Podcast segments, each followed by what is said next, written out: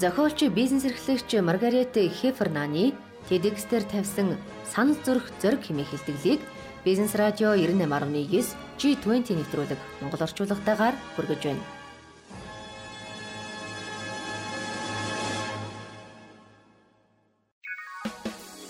G20 нэвтрүүлгийг танд хүргэхэд IT Zone хамтлаа.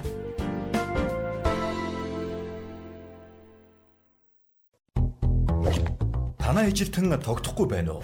Ажилтныхаа ажлын гүйцэтгэлийг зөв процессор үнэлж, байгууллагын соёлыг бэхжүүлмээр байна уу? Та бизнесийн цөм болсон хүнтэй холбоотой асуудлуудаа мэрэгжлийн багтай хамтран шийдвэрлээрэй. Могул консалтинг, хүний нөөцийн консалтинг, аутсорсинг, систем нэвтрүүлэлтийн үйлчилгээг нэг дөрөс хүргэж, шинэ үеийн ажиллах орчныг хамтран бүтээхэд бэлэн байна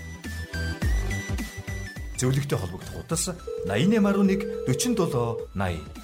Могут консалтинг таны хүмүүсийг хүчрхэгжүүлнэ.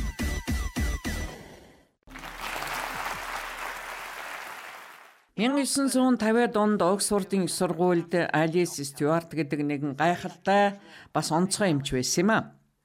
Онцгой байсан шалтгаан нь зарим талаараа мэдээж эмэгтэй хүн гэдэгтэй холбоотой. 1950-ад оны үед эмэгтэй хүн ийм онцгой байна гэдэг тун ховор зүйл байсан л да. Тэр маш ухаантай хааны нэрмжит ангаахан коллежид сонгогдсон тухайн үеийн хамгийн залуу эрдэмтдийн нэг байсан юм. Тэр мөн шинжлэх ухааны шин салбар болох эпидемиолог буюу өвчний зүй тогтол судалдын салбарыг их сонирхож байсан. Тэр бас бусад эрдэмтдийн адилаар мөрөө үлдээхийн тулд чухал асуудал олж тэрнийг шийдвэрлэх байсан. Алисийн олсон асуудал бол огцом нэмэгдэж байсан хүүхдийн хорт хавдрын өвчил байлаа. Ихэнх өвчин ядууралтай холбоотой байсан ч гэсэн энэ өвчнөр нас урж исэн хүүхдүүд ихэнх нь чинээлэг айлс гаралтай байсан. Тэгэхээр тэр энэний шалтгааныг олж мэдхийг л хүссэн юм. Гэвч тэрэнд судалгаандаа санхүүжилт олоход маш хэцүү байсан байна. Эцэст нь хадагтай таатагийн нэрэмжит шагнадын сангаас дөнгөж мянган фунт олдлоо. Ингээд тэр мэдээлэлээ цуглуулахын тулд асуулга явуулах ганцхан боломж байгааг ойлгосон байна. Яг юу гэж асуух ёстойгоо ч мэдэхгүй байж. Тэрний олон хой ховлож явуулсан санд асуулгууд буцаж ирэхэд статистикчдын мөрөөдөл болсон илэрхий байдлаар ганцхан хариулт тодорч харагдж байсан юм. Нас барсан хоёр хүүхэд тутмын нэгнийх нь ээж жирэмсэн байхдаа эрентген зураг авахулсан байж. Шалтгаан нь эрентген туяаны төхөөрөмж. Хүмүүс ямар нэг зүйл тодорхой болох хүртэл ямар ч аюулгүй гэж үздэг байсан. Их Британи болон Америкийн ангаах ухаан жирэмсэн эмэгтэйчүүдийг эрентгэнд харахаа болох шийдвэр гаргах хүртэл бүхэл бүтэн 25 жилийг зарцуулсан юм. Тов баримтууд нээлттэй үзэхэд чөлөөтэй байсан ч хинч үннийг мэдхийг хүсээгүй. 7 хоногт нэг хүүхэд өгөж байсан ч юу ч өөрчлөгдөөгүй. Өөрчлөлт хийхэд нээлттэй байдал дангаараа хангалтгүй байлаа. 25 жилийн турш Алис Стюарт маш их тэмцсэн. Тэр өөрийнх нь зөв гэдгийг яаж мэдэж байсан бэ гэвэл тэрэнд сэтгэн бодох гайхалтай арга барил байсан юм а. Тэрээр Жорж Нил гэдэг статистикчтай хамт ажилладаг байсан. Жорж бол Алисаас тис үр замтай. Алис маш нийтж байсан бол Жорж зожиг нэгэн байсан. Алис өвчтнүүдтэйгээ дулаан илүү дотн харилцаатай бол Жорж хүмүүсээс тоог илүүд үздэг байсан. Гэхдээ Жорж хамтын ажиллагааныхаа тухай нэг гайхалтай зүйл хэлсэн юм а. Миний үүрэг бол Стюарт эмчит өөрийнх нь буруу гэдгийг батлах гэж. Тэр эсэргээр нь нотлох аргыг идэвхтэй хайдаг байсан байна. Алисийн загвар тоо баримтуудыг харах, гуйвуулах гэж ян зүрийн арга хайж бурууг нь нотлохыг оролддог байсан. Жоржийн хувьд Алисийн онлын зөрчлийг олох нь түүний үүрэг гэж боддог байж. Учир нь Алисийн буруу гэж нотолж чадаагүй тохиолдолд л Жорж зөв гэдэг итгэлийг Алист өгдөг байжээ. Энэ бол хамтын ажиллагааны шалгарсан арга цуурай шиг давтаж байх биш харин жинхэнэ утгаар нь бодож сэтгэдэг хамтрагчд хэрэгтэй гэдгийг харуулсан юм а. Бидний хідэн ийм хамтрагчтай байдаг. Эсвэл болохыг зүрхэлдэг бол Алис Жорж хоёр маргахтаа гаргуун байсан. Тэд энийг нэг төрлийн бодох арга гэж үздэг байж. Ийм төлөвлөгөөт маргаан ямар байх ёстой вэ?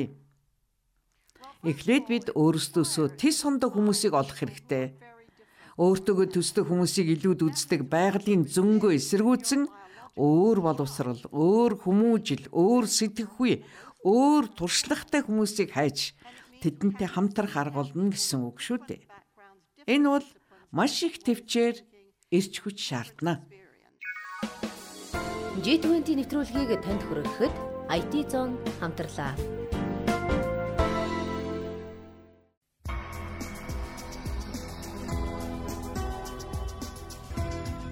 Та яг одоо G20 нэвтрүүлгийг сонсож байна. Энэ удаагийн дугаараар зохиолч, бизнес эрхлэгч Маргарет Хефернаны TEDx дээр тавьсан санал зүрх зориг хэмээх хэлтгэлийг хүргэж байгаа лээ.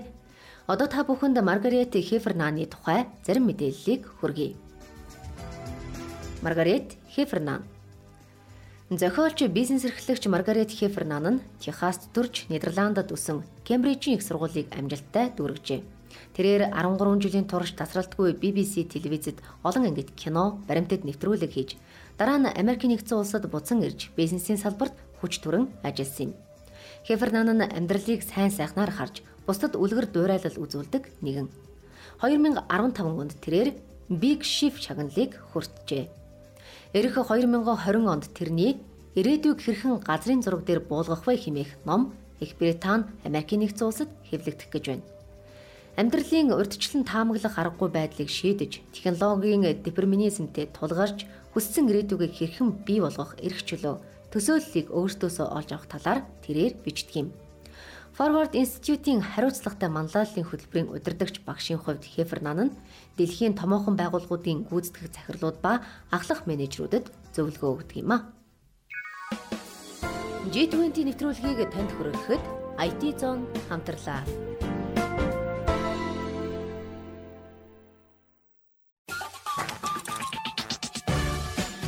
Та хуваараа бизнес эрхэлдэг үү? Хүнтэй холбоотой асуудлууд араараасаа гараад Хүний нөөцийн мэрэгчлэлтэн авна гэхээр зардал нь өндөр санагдаад өөрөө шийдчих гээд үзээд явна. Бизнесийн цөм болсон хүнтэй холбоотой асуудлаа мэрэгжлийн багтай хамтран шийдвэрлээрэй. Могул консалтинг хүний нөөцийн консалтинг, сонгон шалгаруулалт, систем нэвтрүүлэлтийн үйлчилгээг нэг дөрөс хүргэж шинэ үеийн ажиллах орчныг хамтран бүтээхэд бэлэн байна. Зөвлөгтэй холбогдох хутас 8811 47 80 Могул консалтинг таны хүмүүсийг хүчирхэгжүүлнэ. Хоёр хүн үүнийг хэрэгжүүлэх нь нэг хэрэг гэвч бидэнд тулгардаг хамгийн том асуудлууд тохиолдсон хамгийн том гамшгууд ихэвчлэн хувь хүнээс биш байгууллагуудаас үүсэлтэй байдаг. Зарим нь бүр улс гүрнээс ч том байдаг. Тэдгэрийн ихэнх нь хэдэн 100, хэдэн мянга, бүр хэдэн сая хүний амьдралд нөлөөлдөг. Байгууллагууд хэрхэн боддог вэ? Ихэнх нь боддоггүй. Учир нь хүсэхгүй байгаадаа биш харин зүгээр л боломжгүй. Ягаад гэвэл доторх хүмүүс нь маргалтахаас хэтэрхий их айдаг. Европ, Америкийн гүйцэтгэх албан тушаалтнуудаас авсан судалгаагаар тэдний 85% нь дэвшүүлгээс айдаг асуудал эсвэл түгшүүр байдаг гэж хариулсан байдгийн. Үүнээс үүсэх маргаан хэрхэн шийдвэрлэхээ мэдэхгүй зөрчилдөөнд орооцолдох бас ялагдахаас айдаг байж. Ингиж айдаг хүмүүс 85%-ийн эзэлдэгэ гэдэг бол маш их тоо. Жорж Алис хоёрын чадварлаг хийдэг байсан зүйлийг ихэнх байгууллагууд хийж чаддгүй гэсэн үг. Тэд хамтдаа бодож чаддгүй. Яг бидний ихэнх шиг байгууллагыг удирдах ирсэн хүмүүс хамгийн шилдэг хүмүүсийг олж авах гэж байдгаараа хичээдэг мөртлөө ажлыг хамгийн их үр дүнтэй хийлгэж чаддаггүй. Хэрвээ маргалтахаас айхгүй ээж чадвал үүнийг бодох нэг арга гэж үзэн энэ чадвараа цаашдаа хөгжүүлэх шаардлагатай. Саяхан би эмнэлгийн төхөөрөмжийн компанид гүйцэтгэх алба хашдаг Жоо гэдэг залуутай хамт ажилласан юм л да. Тэр өөрийн хариуцж байсан төхөөрөмжөндөө санаа нэг зовж байсан төхөөрөмж маш төвөгтэй байсан учраас алдаа гарах магадлалыг нэмэгдүүлж хүмүүсийг гэмтээж мэднэ гэж бодож байсан юм а. туслахыг хүссэн өвчтнүүдээ хохирохоос их айж байсан. Харин тэр бусад ажилтнууд руугаа харах үед хинч санаан зовсон харагдахгүй байж. Жоо хүмүүсийн хэлдгээр матаач байж болох ч гэлээ тэр бусад матаачд шиг өөдгүй нэгэн байгаагүй. Харин ажилдаг байгууллагатай болон байгууллагынхаа хэдийн зорилгод үнэнч байсан. Тэр маргаанаас маш их айсаар байсан ч чимээгүй байхаас илүү их айдаг болсон. Тийм ээ. Энэ бол олон маргаан мэтгэлцэн үүссэн гэсэн үг. Тэр үгээ хэлэх зориг гаргаж чадсныхаа дараа өөртөө илүү их зүйл байгааг мөн систем нь бодсноос ч илүү уян хатан байна гэдгийг ойлгосон юм а.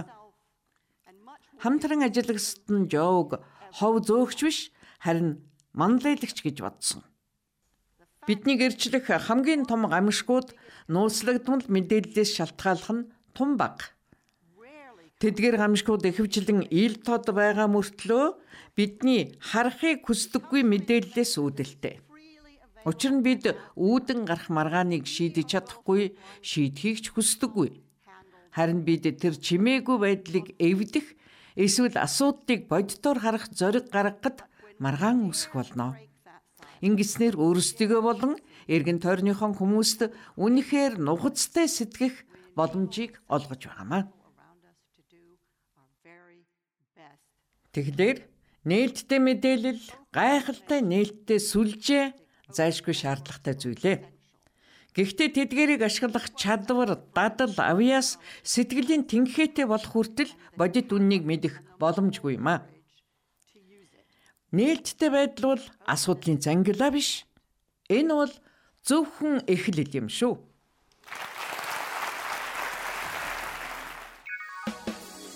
G20 нэвтрүүлгийг танд хүргэхэд IT Zone хамтлаа.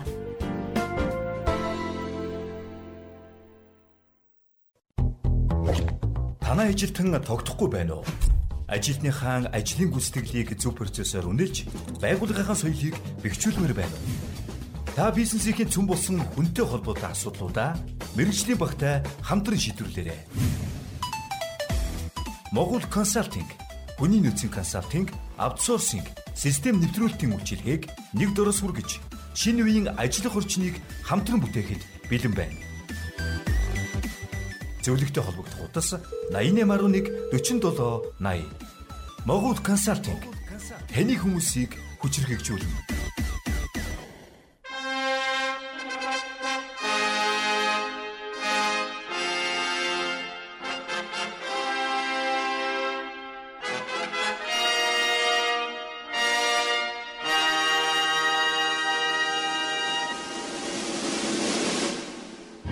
Зохиолч бизнес эрхлэгч Маргарет Хефернаны TEDx-дэр тавьсан санал зүрх зориг хэмээх хэлтгэлийг Бизнес радио 98.9 G20 нэвтрүүлэг Монгол орчуулгатаагаар танд хүргэлээ.